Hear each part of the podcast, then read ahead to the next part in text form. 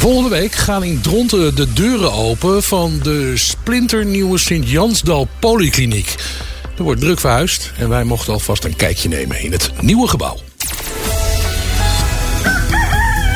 Goedemorgen. Flevoland is wakker. In Dronten gaan komende maandag de deuren open van de splinternieuwe Sint-Jansdal Polykliniek. Na 15 jaar verhuist de kliniek van de oude locatie bij de ijsbaan naar de nieuwe plek bij het station in Dronten. Deze week zijn ze druk met de verhuizing naar het nieuwe gebouw. En wij mochten alvast een kijkje nemen. Nou, hier is de ingang dus vanaf de stationskant. We hebben hier uh, komt de balie. Dan kunnen patiënten zich aanmelden voor een afspraak. Er wordt nog hard gewerkt. Er wordt zeker nog hard gewerkt. En dan hebben we hier de wachtkamer voor het bloedprikken. Het bloedprikken komt in deze ruimte. Zijn we ook nog uh, hard aan het werk. En uh, aan de rechterkant hebben we hier uh, de röntgen. Dus voor het maken van foto's kan men hier terecht. De oude locatie van de Polykliniek Sint-Jansdal lag 15 jaar lang op een industrieterrein naast de ijsbaan in Dronten. Ja. Daar zijn ze deze week alle spullen aan het inpakken en verhuizen. Dat was natuurlijk een hele grote locatie die we deelden. Uh, inmiddels zitten we daar alleen. En uh, dan hebben we behoefte aan, uh, aan minder vierkante meter. Dus vandaar de keuze voor een nieuwe locatie. Hoewel de nieuwe plek voor de poli Sint-Jansdal kleiner is, verandert er voor de patiënten niets. Alle specialismen die al op de oude locatie zaten, gaan ook mee naar de nieuwe locatie. Dat zijn onder andere de cardiologie, reumatologie, interne geneeskunde, longgeneeskunde, gynaecologie, urologie, kano, kindergeneeskunde. En uh, ook nog bloedprikken en uh, voor de foto's maken, dus de röntgen. Vlakbij het station Dronten komt de nieuwe Sint-Jans Polykliniek. Dat is niet op een industrieterrein, zoals de oude locatie, maar ook weer niet echt hartje Dronten. Lily Kerkhoff. Het is misschien niet helemaal hartje Dronten, maar goed, we zijn ook toegankelijk natuurlijk voor uh, patiënten in de omgeving van Dronten. Dus uh, voor hun is het natuurlijk wel heel erg fijn dat je uh, makkelijk hier terecht kan. En dat hebben we hier eigenlijk gevonden op een redelijk centrale plek dichtbij openbaar vervoer. Dus goed toegankelijk voor, voor patiënten. Bovendien komen hier binnenkort nog meer mensen wonen rond de nieuwe locatie van de kliniek. Zegt Nieuwhof. Aan de zijkant van de kroon bij ons zit het coloriet um, met, een, hè, met hun centrum. En boven ons zijn appartementen en rondom zijn ook nog wat, wat woningen. Volgende week dinsdag is de feestelijke opening van de kliniek. Maar bloedprikken, dat kan al vanaf morgen. En wat vindt de buurt van de nieuwe locatie?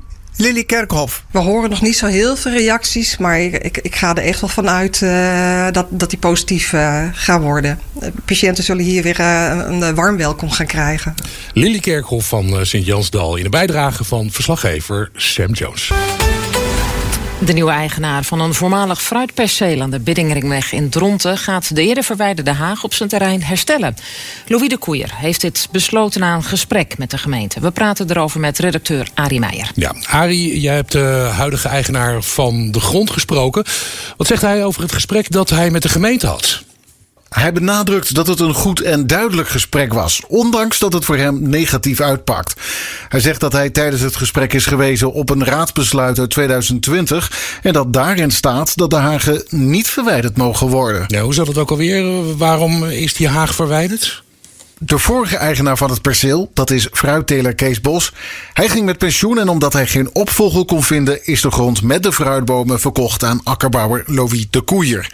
Daarbij is afgesproken dat het perceel kaal zal worden opgeleverd, dus zonder fruitbomen en zonder haag. Ja, de gemeente Dronten heeft de hagen verplicht gesteld omdat ze vindt dat het belangrijk is voor de uitstraling van het gebied. Had de huidige eigenaar dat eigenlijk kunnen weten?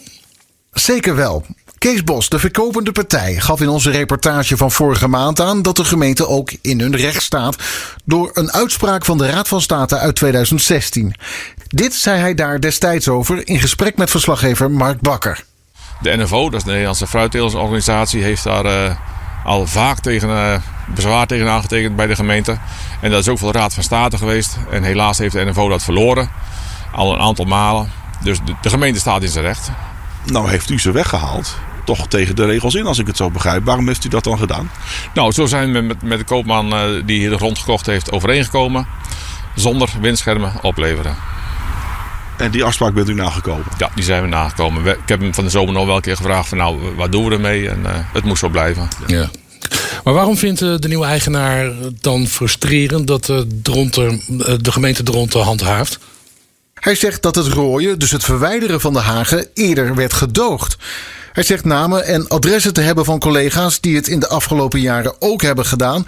En hij zegt het zuur en onrechtvaardig te vinden dat bij hem wel wordt gehandhaafd. Ja, want uh, waarom wilde hij er dan vanaf? Een akkerbouwer heeft niets aan een haag. Het brengt onderhoudskosten met zich mee. Grondbewerking wordt ook een stuk lastiger omdat draaien met een trekker en machines een stuk ingewikkelder wordt met een heg. En de huidige eigenaar wil aardappelen, uien en wortelen telen op het perceel en is bang voor een microklimaat met een haag. Dus hij is bang dat de begroeiing zorgt voor omstandigheden waarbij het gewas gevoeliger zal zijn voor ziekten. Ja, redacteur Arie Meijer, dankjewel. We gaan het nieuws van eh, buiten de provinciegrenzen. Veel steunbetuigingen voor de Britse koning Charles. Het Britse koningshuis maakte gisteravond bekend dat Charles kanker heeft. Wat voor kanker zeggen ze niet.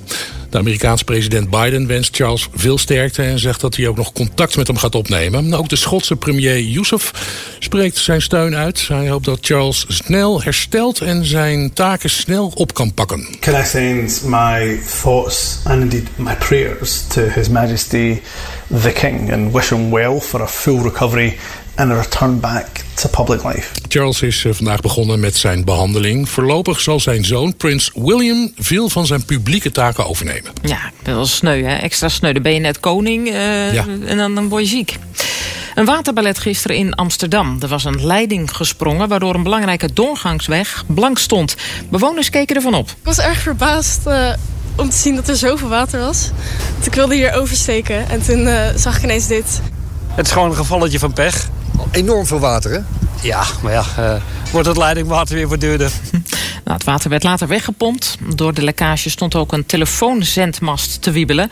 Die moest eerst gestabiliseerd worden voordat de weg weer open kon. Vandaag beslist de Eerste Kamer over de toekomst van de salderingsregeling. Daarmee kunnen eigenaren van zonnepanelen stroom terugleveren aan het net en dat later verrekenen. De Tweede Kamer wil die regeling afbouwen, maar een meerderheid van de Eerste Kamer niet. De Nederlandse vereniging Duurzame Energie noemt, het salderen een groot succes voor de energietransitie, maar vindt hem wel oneerlijk voor mensen die geen zonnepanelen hebben. Ja, je mag door de salderingsregeling goedkope zonnestroom gratis inwisselen voor dure winterstroom. En dat wordt uiteindelijk door iemand betaald, want gratis betaald bestaat niet. En die meerkosten die worden dus gedragen door de mensen zonder zonnepanelen. En de autoriteit Consument en Markt zegt dat dat om een paar tientjes per maand gaat. Dus dat is toch gewoon echt veel geld geworden. Ja, maar GroenLinks, Partij van de Arbeid, zegt dat nu de zonnepanelen goedkoper zijn geworden eindelijk ook lagere inkomensgroepen de, uh, en huurders ze kunnen kopen. En die partij wil de regeling dus juist niet afschaffen. In Rotterdam was gisteravond een bewonersbijeenkomst in de wijk waar een week geleden een appartementencomplex werd verwoest door een explosie. De politie vermoedt dat de oorzaak moet worden gezocht bij een drugslab in het complex. Maar het ging vooral ook over de zorgen van bewoners. Dat mensen niet meer terug willen. Dat kinderen niet meer slapen. Dat mensen getraumatiseerd zijn door dit. Dat heeft, speelt een enorme rol bij het verwerken van wat is er gebeurd. En kinderen die de man naar beneden zien vallen door, door het plafond heen. Dus ja... Bewoners werden onder meer te woord gestaan door de loco-burgemeester. Tot zover het nieuws uit binnen- en buitenland. Ja, blijf met je kind vooral in gesprek en houd hem of haar dicht bij je als je wilt zorgen dat je zoon of dochter stopt met roken of drinken. Dat was de belangrijkste boodschap gisteravond op een bijeenkomst in de Meerpaal in Dronten. Ja, die bijeenkomst die trok zo'n 40 belangstellenden. Een van hen was Peti Schellingerhout. Zij vond het een interessante avond. Zeker, ja. Een onderwerp ook van deze tijd. En waarom is het interessant? Nou, met name het woord vapen natuurlijk en de andere verleiding. Maar vapen is helemaal hot, tenminste in ieder geval bij onze zoon. Uh, vandaar uh, ja, dat we ook om deze avond zijn afgekomen. Maakt u zich uh, zorgen? Um, nou, stiekem toch eigenlijk wel, ja. ja. En waarom? Nou, 13 is echt wel jong, vind ik. En ja, je kan het eigenlijk niet verbieden, maar dat moet je als ouder wel. dat vind ik een dingetje, ja. In de zaal is ook Michiel Palland aanwezig. Ook hij maakt zich zorgen. Ja, soms wel. Uh, als ik zelfs kijk op de, de basisschool, dat er werd uh, gezegd dat er gewoon snuf en dergelijke uh, nou ja, werd uitgedeeld. ja, als je het dan erover hebt met de kinderen, van nee, zou ik zeker nooit doen. Maar goed, eh, onder groepsdruk. eh, hoe gaan mensen ermee om? Ga je het wel of niet een keertje proberen? En, en waar stopt het dan? Eh, ja, je moet het op een bepaalde manier loslaten. Maar die zorgen die zijn er dan zeker wel, ja. Ja, er zijn ouders die afspraken proberen te maken met de kinderen. Doet u dat ook? We hebben inderdaad een, eh, de afspraak dat als ze niet, niet roken, vapen of een, een variant hiervan, of daarvan, eh, dat ze een rijbewijs eh, zullen krijgen. Eh, dan is het natuurlijk nog een, een hele periode ver weg. En als ze eens een keer een, een sigaretje eh, willen proberen, eh, dat is dan niet direct als, als een verslaving en dan, dan valt het weg. Eh, dus proberen mogen ze een hele hoop. Eh, maar op het moment dat ze echt eh, nou ja, ermee doorgaan en een andere keuze daarin maken, dan zit daar wel een consequentie aan. Christian Kars, u bent van de organisatie. Waarom deze avond, heren Dronten? Nou, het is sowieso heel belangrijk om ouders eh, het gesprek te laten voeren over onderwerp eh vapen. En ook daarbij komende zaken, gewoon puber, puberproblemen. Tussen aanhalingstekens natuurlijk, want er zijn genoeg puberoplossingen. Eh, en dan is het gewoon heel erg leuk om een interactief gesprek te voeren. En ondertussen van tactus en van jongerenwerk praktische informatie te horen. eh, die je kan gebruiken ook in gesprek met je kind. Ja, zo'n eh 40 ouders waren aanwezig in de zaal. Wat is eigenlijk het, het juiste advies of eh, de tips die, eh, hoe zij kunnen moeten omgaan met hun kinderen? Nou, deze avond duurt sowieso anderhalf uur. Eh, en terwijl het eigenlijk de boodschap heel kort is, blijf met je kind in gesprek. Eh, hou hem dicht bij je en zorg dat je ook op een enigszins luchtige manier, dat past bij jongeren, eh, met elkaar in gesprek kan blijven. Zonder dus inderdaad te zeggen, je, komt het huis niet meer in wanneer, wanneer je gerookt hebt. Want daar schiet je niks mee op. Dus pak je kind vast en ga met elkaar in gesprek en blijf lachen. Want uiteindelijk houdt iedereen van zijn kind. Ja, en dat was Christian Kars.